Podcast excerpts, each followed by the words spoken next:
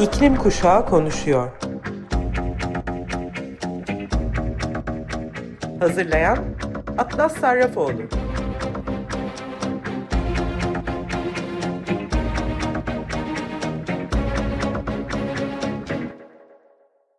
Sevgili dinleyiciler, Açık Radyo'nun İklim Kuşağı Konuşuyor programına hepiniz hoş geldiniz. Ben Atlas Sarrafoğlu, 14 yaşındayım ve iklim aktivistiyim. Geçtiğimiz hafta içinde davet edildiğim Eko İklim Zirvesi'nde tanıştığım ve birlikte iki gün geçirerek iklim krizini gençlere anlattığımız 23 yaşındaki enerji sistemleri mühendisi Selcan Çatalı bugün programıma konuk ediyorum. Ama Selcan'ı benim tanıtmam yerine kendisinden dinlemenizi daha doğru e, buluyorum. Çünkü çok yönlü bir kişilik Selcan. Hoş geldin Selcan. Geçtiğimiz hafta yaptıklarını dinledim ve e, seni dinleyicilere tanıtmak konusunda ben yeterli olamam diye düşündüm. Çünkü iklim aktivistlerinin taleplerini şirketlere ulaştırıyorsun. Kahve tutkundan dolayı plastik üretimine bile el atmışsın. Bu yüzden sözü sana bırakıyorum. Öncelikle bize kimsin, neler yapıyorsun, neler yaptın? Biraz bahsedebilir misin? Çok teşekkür ediyorum Atlas. Öncelikle beni davet ettiğin için ve sürdürülebilirlik özelinde böyle özel bir konuda e, iddialı bir ses oluşturduğum için aslında e, bu aralar bir mutluluk duyuyorum. Çünkü sesimin anlamlı olmaya başladığını hissediyorum. E, kendimden bahsetmem gerekirse aslında e, öncelikle beni bu noktaya getiren şey ne oldu ve bundan sonra ne olacak? Ve tabii ki de bu noktanın şu anki kendisini açıklamak üzere bir anlatım yapacağım. E, kendimi kesinlikle hiçbir ünvana bağlamıyorum. E, kendimi de bir sürdürülebilir yaşam aktivisti olarak görüyorum. Ve bu tabii ki nasıl başladı diye sorarsan da ben de çok böyle küçüklükten itibaren hep böyle dünyayı kurtarma e, hevesim vardı ve bir çabam vardı. E, ve tabii ki de bu yani böyle Superman ya da Batman'in yapmış olduğu bir iş gibi değil ya da Harry Potter gibi bir iş değil. Hani böyle büyü yaparak falan kurtarmak çok da mümkün değil. Ama bunu yapmanın bir takım yollarını buldum kendimce ve bunu da bilimle yapabileceğimi fark ettim her zaman böyle bir farklılık arıyordum hayatımda zaten. Ee, anlam e, ilişkisi arıyorum. Yani neden sonuç ilişkisi arıyorum hep hayatımda. Zaten fizik, kimya, biyoloji beni bu alana çok çekti ve sürekli kimya mühendisi olmak istediğimden bahsediyordum. Ee, ve tabii ki aslında bir noktada şans faktörü diyebileceğim iyi insanlarla tanıştım. Doğru zamanlarda, doğru yerlerde ve çok doğru noktalarda hatalar e, yapıp iyi bir öğrenme süreci geçirdim. E, bu farklılığa e, olan merakım sayesinde de aslında hani lise sonundan belki de lise 2'den itibaren e, yani gönüllülük çalışmalarında bulundum ve e, olabildiğince insan tanımaya özen gösterdim. Ve benim bence en büyük sermayem de insan. Ve sonrasında böyle açımı arttırarak aslında girişimcilik dünyasına adım attım ve üniversite e, dönemlerimde de bu alanlarda çalışmalar yaptım. E, ve şanslıyım ki e, enerji sistemleri mühendisliği bölümünde hani son sınıf öğrencisiyim ve bu e, geçirdiğim dört sene içerisinde de aynı zamanda e, gerek işte yurt dışında çalışmalar yaptım. En önemlisi ki İskandinavya'da, Amerika'da ve Avrupa'da olmak üzere e, iklim değişikliği ve sürdürülebilir kalkınma amaçları özelinde aslında çalıştım. E, burada özellikle bunun tanımlanması, belki de gençliğe getirilme esnasında yaptığım çalışmalar çok büyük ses getirdi. E, ve hani sürekli hep böyle üzerine koyma üzerine üzerine çıkan bir çalışmam oldu. Üzerine koya koya, insanlarla tanışa tanışa aslında e, beni bu noktaya doğru getirdi. Şimdi bu nokta ne ve beni e, buraya getiren çalışmalardan bahsedersem eğer e, üniversitede e, hocalarıma bence kimse sürdürülebilir kalkınmayı doğru olarak bilmiyor ve bizim bunu kesinlikle öğretmemiz gerekiyor dediğim cümleyle başlayan ve yaklaşık 3-4 sene boyunca da akademik olarak asistanlık yaptım. Sürdürülebilir yönetim, sürdürülebilir kalkınma 2030 gündemi, e, bunun yanında yine böyle mini dersler e, hazırladım. E, ve aynı zamanda zaman zaman üniversite öğrencilerine de anlatma e, şansım oldu. Ve sonra bu arttı derken de Birleşmiş Milletler e, Sürdürülebilir Kalkınma Çözümleri Ağı tarafından da akredite edilen bir e, Birleşmiş Milletler Öğrenci Merkezi kurduk ve cidden bu Avrupa'da dünyadaki bütün üniversiteler arasında hani ilk ona ilk beşe giren best practice olarak paylaşılan bir merkez oldu. Ve burada tamamen de aslında e, hiç tepeden değil aşağıdan e, insanlara süre bir kalkınma amaçlarını anlattım. Öğrenci kulüplerine teker teker gidip onların perspektifinden bunu anlattım. Neler yapabiliriz, neler olabilir dedik. Ve bu ses kolektif bir şekilde büyümeye başladı. Hatta hatta e, okullara bağlı olmayan, globale bağlı olan e, öğrenci kulüpleri bile dedi ki biz bir küresel amaçlar koordinatörlüğü açalım. Ki bu da tıp fakültesi e, kulüpleri içerisinde gerçekleşti. Ve şu an e, en büyük tıp e, öğrenci birliği e, e komitelerinde Şu an küresel amaçlar koordinatörlüğü var. Ve bu cidden aslında benim için de gurur verici bir şey ve bu hala sürdürülebilir bir şekilde her sene program açıldığında bir sürü kalkınma e, amaçları eğitimleri veriliyor. E, bunun yanında da sonrasında e, benim hani girişimlerim ilerledi. İş dünyasıyla çok sık temasta bulunmaya başladım. Ve işte yurt dışına gitmeler, gelmeler e, ve bilimde hani bilimsel çalışmalara katkıda bulunmam ve çok iyi akademisyenlerle çalıştıktan sonra da buradaki know-how'ım cidden çok e, artmaya ve bu noktada etkimin de artmasıyla beraber e, de özel sektörde bir enerji sektörü. Enerji firması e, buldu ve sonrasında biz onlarla beraber öncelikli bir süre bir kalkınma amaçlarının böyle e, tamamen aslında entegre edildiği ki bunları neden belirtiyorum? İçinde yaşamış olduğu bir rapor yazma şansım oldu. E, ve e, bununla beraber e, şirketin sahip olmuş olduğu santrallerde de karbon salımını nasıl azaltabiliriz? Ee, bir yandan hani şu anki jenerasyonun sahip olduğu hani o ihtiyaçlara sahip olduğu kaynaklar, onun istedikleri ihtiyaçlar ve geleceği de e, kaynaklarını koruyarak ve onların yine ihtiyaçlarını karşılayarak nasıl bir sistem yaratabiliriz? Ve bunu yaratmanın ötesinde yenileyici bir e, modeli nasıl yaratabiliriz konusunda ben de en genç e, isimlerden biri olarak bu metodolojiyi ortaya koydum.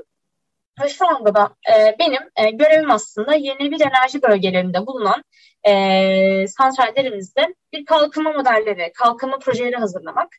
Bir yandan da e, yine karbona sebep olan e, hani çalışmalarda nasıl azaltım yapabiliriz, nasıl dengeleme işlemleri yapabiliriz ve e, sürdürülebilir iletişim yapıyorum aslında.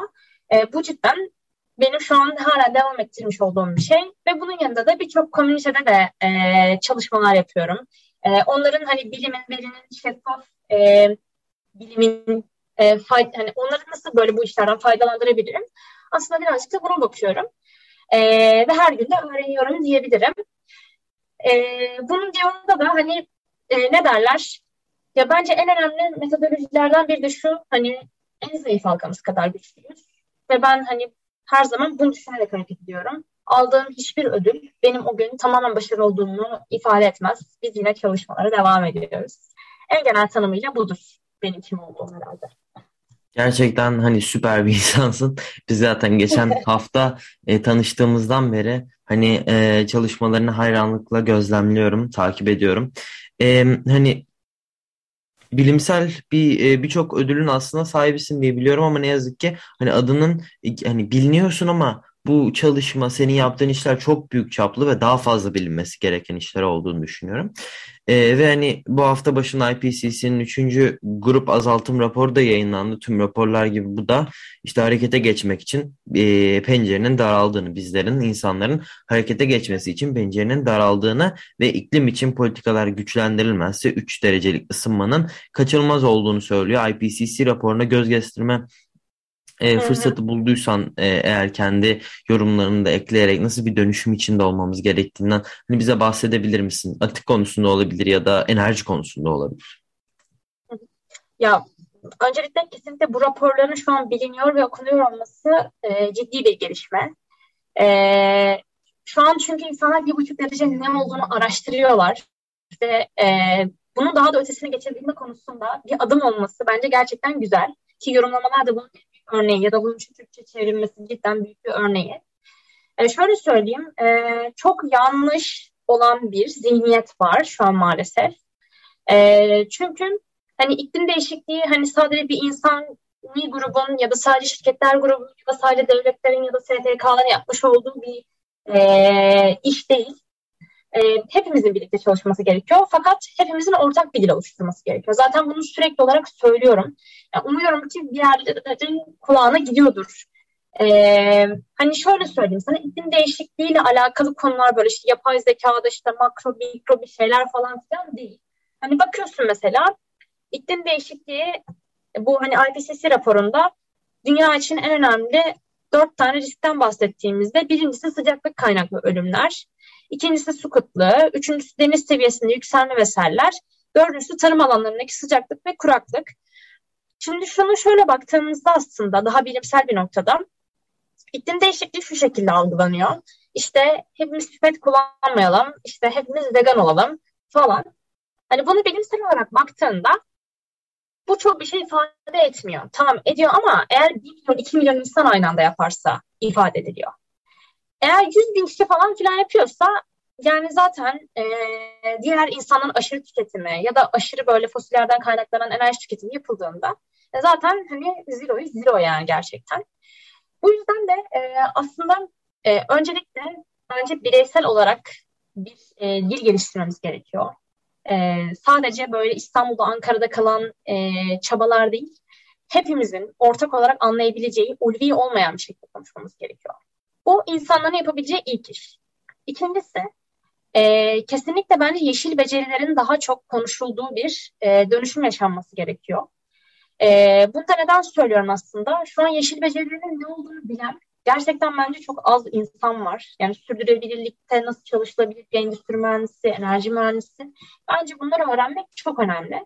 O yüzden şu anki gençliğin okey konuşmak, pankart açmak çok güzel bir duygu ama bunu mesleğimize nasıl dönüştürebiliriz?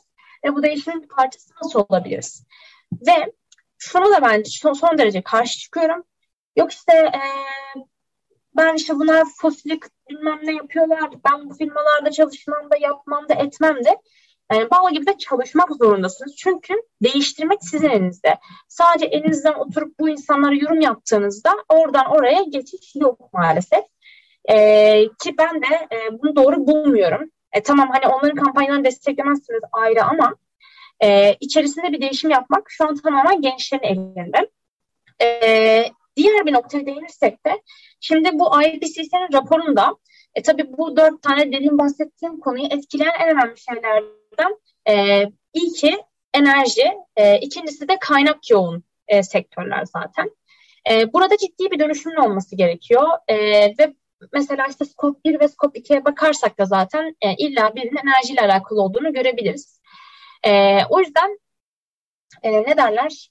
E, kaynak yoğun sektörlerin öncelikle materyal yoğunluğuna bakması gerekiyor. E, oradaki karbon salımı ve işte mesela tüm tedarikçileriyle çalıştıklarında e, onları nasıl kontrol edebiliriz? Onları nasıl bu konuda bilinçlendirmeliyiz? Diğer bir nokta da e, yeşil enerji kullanımına teşvik etmek aslında. Enerji sektörü ciddi anlamda bunları e, teşvikler veriyor. E, örneğin benim çalışmış olduğum firma da e, IREX sertifikası veriyor. Yani almış oldukları e, enerjiyi yeşil olarak alabiliyorlar. Ki bence bu güzel bir dönüşüm. Ama bir yandan da e, enerjiyle alakalı bence unutmamamız gereken şeylerden bir tanesi şu. Tamam, okey, e, fosil yakıt üreten firmalar e, maalesef ki var. Ama neden varlar? Şimdi sürevi kalkınma dünyanın her yerinde aynı değil. Yani sen gidersin e, İsveç'te birine iklim değişikliği çok önemli dediğinde aa hakikaten çok önemli derler. Ama sen gelirsen böyle İstanbul'da herhangi bir e, işte bölgeye ondan sonra Beşiktaş, Kadıköy falan filan olmayan yerlerde sonra işte iklim değişikliği çok önemli işte plastik pipet kullanma ayran içerken falan dediğinde sana böyle bön bön bakar. Ya çünkü adamın en önemli şu an problemi iklim değişikliği değil. Yani sen orada e, ya Orada ekonomik problemler de vardır, sosyal problemler de vardır. Ve bu insanlara öncelikle hani e, iklim anlatabilmek için o parametrelerden anlatmak gerekiyor. Şimdi o noktadan şuraya dönüyorum. Bu insanlara sen dersin ki yeşil enerji vereyim, işte rüzgar enerjisi vereyim, güneş enerjisi vereyim. Sonuçta buradan almış olduğun, yeni birinden almış olduğun enerjiyi sen onlara verdiğinde bunlar faturaya yansıyacak ilk başta. Ve bu insanların e, tabii ki de öncelikle e, faturalara yansıdığı için küfür edecekler. Diyecek ki ekonomik dengemiz bozuldu ve bu insanlar aynı zamanda iş gücünden de olmuş olacaklar. Bu yüzden ortak bir nokta bulmak gerekiyor. Yani bu da şu şekilde olmuş oluyor. Elbette şu an enerji fiyatlarını etkileyecek olan e, buradaki termikleri biz nasıl kademeli olarak azaltıp yenilebilirleri de artırırken e, burada nasıl bir denge bulacağımızı bulmak önemli. Ve buradaki termiklerde de ki onlar azaltılır, kapatılır, kapatılırken onlara da bir alternatif sunulması gerekiyor. Bir destek sunulması gerekiyor. Bu da nasıl olabilir? Bence bunun en güzel örneklerinden bir tanesi de aynı zamanda enerjisi üretiminde bir hidrojen üretimine başlanması. Hidrojen teknolojilerine geçiş yapılması. Çünkü ne, niye? Burada yenilenebilir, yenilenebilirin gücünü kullanıyor. Termikteki teknolojinin know-how'ını kullanıyor. Bu ikisini birleştiriyor ve insanlara temiz enerji vermiş oluyor. Ve bu noktada da e, ekonomik e, parametreleri de aynı zamanda gözden geçirerek bu işleri vermiş oluyor. Bence burada en önemli şeylerden bir tanesi bu teknolojiye, enerji teknolojilerinin erişimin olması. Ki ancak biz buna bu şekilde gidebiliriz. Diğer bir nokta enerji okur yazarlığımızın olması. Şimdi enerji okur yazarlığı ne demek? Ee, yani en basitinden e, bir fatura okuyabilmeleri, buna neyi etki ediyor, ne oluyor bunları bence bilmek. Ve e, neden rüzgar enerjisi kullanıyoruz? Neden güneş enerjisi? Neden yenilenebilir ihtiyacımız var? Ya bence bunları sorgulamak çok çok önemli. Çünkü neden derseniz e, hala mesela işte diyorlar ki yeni bir enerji işte rüzgar santralleri kurulmasın. E bir yandan diyorlar ki işte fosil yakıt olmasın. Yani şimdi ne istediğimizde bence dikkat etmek gerekiyor bence bu noktada. E, ne derler? E, insanlar bence yani bu noktada bir okur yazarlık kazanması gerekiyor ya da hani e, onu istemiyorlarsa nedeni ne? Bunu istemiyorlarsa nedeni ne? Ve bize ortak bir yol oluşturması gerekiyor. Çünkü öbür türlü bir fanatiklik var. E, herkes birbirinin önüne engel koyuyor. Ve şunu da unutuyorlar ki yani 2030'da, 2050'de hani bu hedefe ulaşmak istiyorlarsa eğer burada bir kolektif bir işlem olması gerekiyor bir noktada. Şimdi şunu da diyemem. Mesela atıyorum işte diyorlar ki onu yap, işte doğaya zarar veriyoruz. Şöyle oluyor, böyle oluyor. İşte rüzgar enerji santralleri kurunca. Şimdi doğada insanlar nasıl doğaya uyum sağlıyorsa doğada insanlar bir noktada uyum sağlamaya doğru gidiyor. O da nasıl oluyor dersen, şimdi mesela çok basit. E, hastanelerde işte atıyorum e, önceden ne alınıyordu işte oraya gittiğinde e, randevu alıyorsun böyle danışmadan falan filan. Ondan sonra işte doktorun yanına gidiyorsun bilmem ne. Ondan sonra bu uzun bir süreç yani neredeyse 3 saat gidiyor. Ama şimdi işte ne diyorlar? İnternetten alıyorsun diyorlar ve e, işte randevunu. İnternetten aldığın randevuya göre de onun başına gidiyorsun. E insanlar ne yapıyor? İnternetten nasıl e, randevu alırım bunu öğreniyor ve ona göre gidiyorlar. Hem hastane sistemini insanlar öğreniyor. İnsanlar buna uyum sağlamış oluyor. Ve hani e, ne derler? Buradaki geleneksellikten uzaklaşmış oluyoruz. Ve yani hani emin olun ki hani e, zaten firmalar da bir herhangi bir proje gerçekleştirdiklerinde diğer taraftan bunu nasıl koruyabiliriz kısmına iyi bakıyorlar.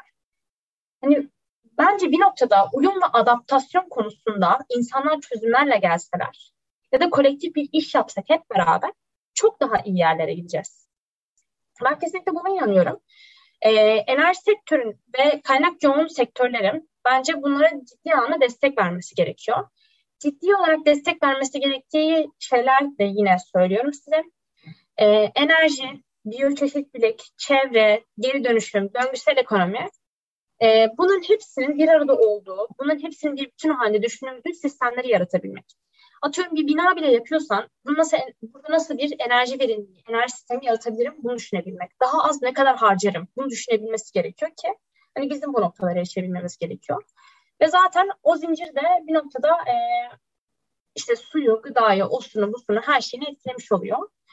E, ve şöyle hani IPCC raporuyla alakalı ben şuna inanıyorum yani en azından. E, şirketler büyük bir dönüşüm içerisine giriyor ve kural kitaplarındaki e, maddeler ciddi anlamda her gün değişiyor yani. Bugün bile girdiğim bir toplantıda işte bu madde değişti ona göre planımızı bu şekilde revize edelim.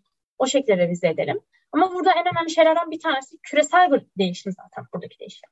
O yüzden işte buradaki yarışta kimse yani birinci olduğunda e, tamamen yarışı kazanmış olmuyor. Çünkü yani sen oradaki e, birincilik, birinciliğe doğru giden yoldaki bilgiyi sen kimseyle paylaşamazsan zaten hep beraber kaybetmiş olacağız. E, benim genel olarak e, yorumum bu şekilde olur. Yani mantıklı ama şöyle de yapmamak gerekiyor. Hani felaket tellalı gibi işte öleceğiz yani gideceğiz falan filan demek değil. Aynı zamanda hani orada neler yapıp gerisi ortaya koymak önemli. Kimseyi de bence suçlamamak lazım. E, aksine e, çünkü ne derler yani kimsenin o zaman bir şeyler yapası gelmiyor ve bu bayağı sıkıntı olmuş oluyor yani. Onu söyleyeyim sana. Çok konuştum Anladım. ya valla. evet zamanımız da giderek azalıyor. Son soruya geçeceğim şimdi. Ee, şöyle biz insanlara nasıl iklim krizini anlatmalıyız ki harekete geçsin? Bu konudaki fikirlerini paylaşır mısın? Hani iklim krizi çünkü eko anksiyete diye bir şey var. İnsanlara iklim krizini veya gelecekteki olacak felaketleri anlattığımız zaman iklim krizinin etkilerini yani çok kötü hissedebiliyorlar. Sonuç olarak bir şey yapmak istemiyorlar. Depresyona giriyorlar. İşte ne bileyim e, bir yardıma ihtiyacı duyuyorlar. Bunu daha iyi şekilde, daha pozitif bir şekilde harekete geçirebil anlatabilecek zamanımız var fakat bu daralıyor şeklinde anlatırsak bir örnek olarak atıyorum. E, daha iyi bir örnek olabiliyor. E, iklim krizini nasıl anlatmalıyız sence? Bütün kesimlere, her insana. E, bence şu şekilde yani e, iklim krizini anlatmaktaki e, en önemli parametrelerden bir tanesi neden çözüm ilişkisine, amaç çözüm ilişkisine e, bence iyi anlatabilmek gerekiyor. E, ve hani şu an bu görevi sadece böyle çocuklar sanki ön plandaymış gibi e, yapıyorlar. E, ya da işte böyle sadece çok böyle 3-4 tane firma bu işi yapıyormuş gibi ya da 3-4 tane sektör bunu yapıyormuş gibi görünüyor. Şimdi bir kere bunu çocuklar yaptığında e, büyükler bunu çok farklı algılıyorlar ve otomatikman işte e, reject ediyorlar bu işi yani. İkinci taraftan işte bazı sektörler sürekli ön planda olunca, sürekli onlar ödüller alınca bu sefer diğerlerinin bir şey yapası gelmiyor. Ee, diğer taraftan da hani bu sadece tek bir sektör özelinde olan bir şey değil. Ee, o yüzden e, hepsinin bir arada olması gerekiyor. Ki bu noktada da hepsine ayrı ayrı diyebileceğim bir tane cevap hani olursa, yani üç tane cevap olsun. Şirketler için bence hani böyle ne derler hani bir tane UN Global Compact gibi işte sürekli kalkınma işte derneği işte World Business Council gibi yerler oluşturulduğunda ve bunlar içeri iyi aldıkça aslında o yerler de bir takım eğitimlerden geçiyor, bir takım raporlamalardan geçiyor ve bu insanlar daima daha iyi olmaya iteliyor aslında. Bence bu çok güzel bir şey firmalar bazında. İkincisi e, hani insanlar yani çocuklar anlamında da bence şöyle bir şey olabilir.